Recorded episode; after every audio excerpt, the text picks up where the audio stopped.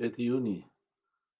Zakaj je v evangeliju tokrat omenjeno farizeji, pismovki, farizeji, pismovki, ki hodijo v dolgih oblačilih in se razkazujejo po shodnicah, po tržnicah, pri gostijah, pa hkrati požirajo hiše, hinavsko opravljajo dolge molitve in tako naprej.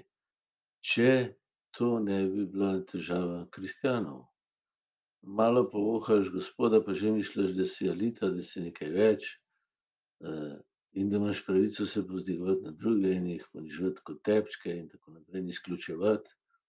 To je tipična, farizejska bolezen ali kvas, da ljubezen pokvari z oholostjo, sodelovanje z Bogom potem odpade, ker ostane samo moj ego, ki se, ki uporablja Boga, da se z njim hvali in poveličuje nad druge. Kaj mi to pomaga? Nič. No, in Jezus danes, kot protiutež tej bolezni kristjanov, nas kristjanov, ponudi ubogo vdovo, ubogo vdovo, ki je bila takrat več kot nič ali pa manj kot nič v družbi.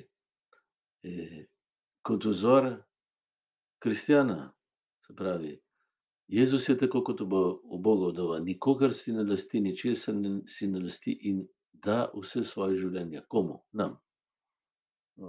In zaradi njega to zmoremo tudi mi, samo ko do tega dozorimo. Ko nas napačne predstave in naše farizejstvo in pismovuštvo in tako naprej tako preslepijo in nesrečijo, da se moramo zmigati in iskati globlje, iskati resnico.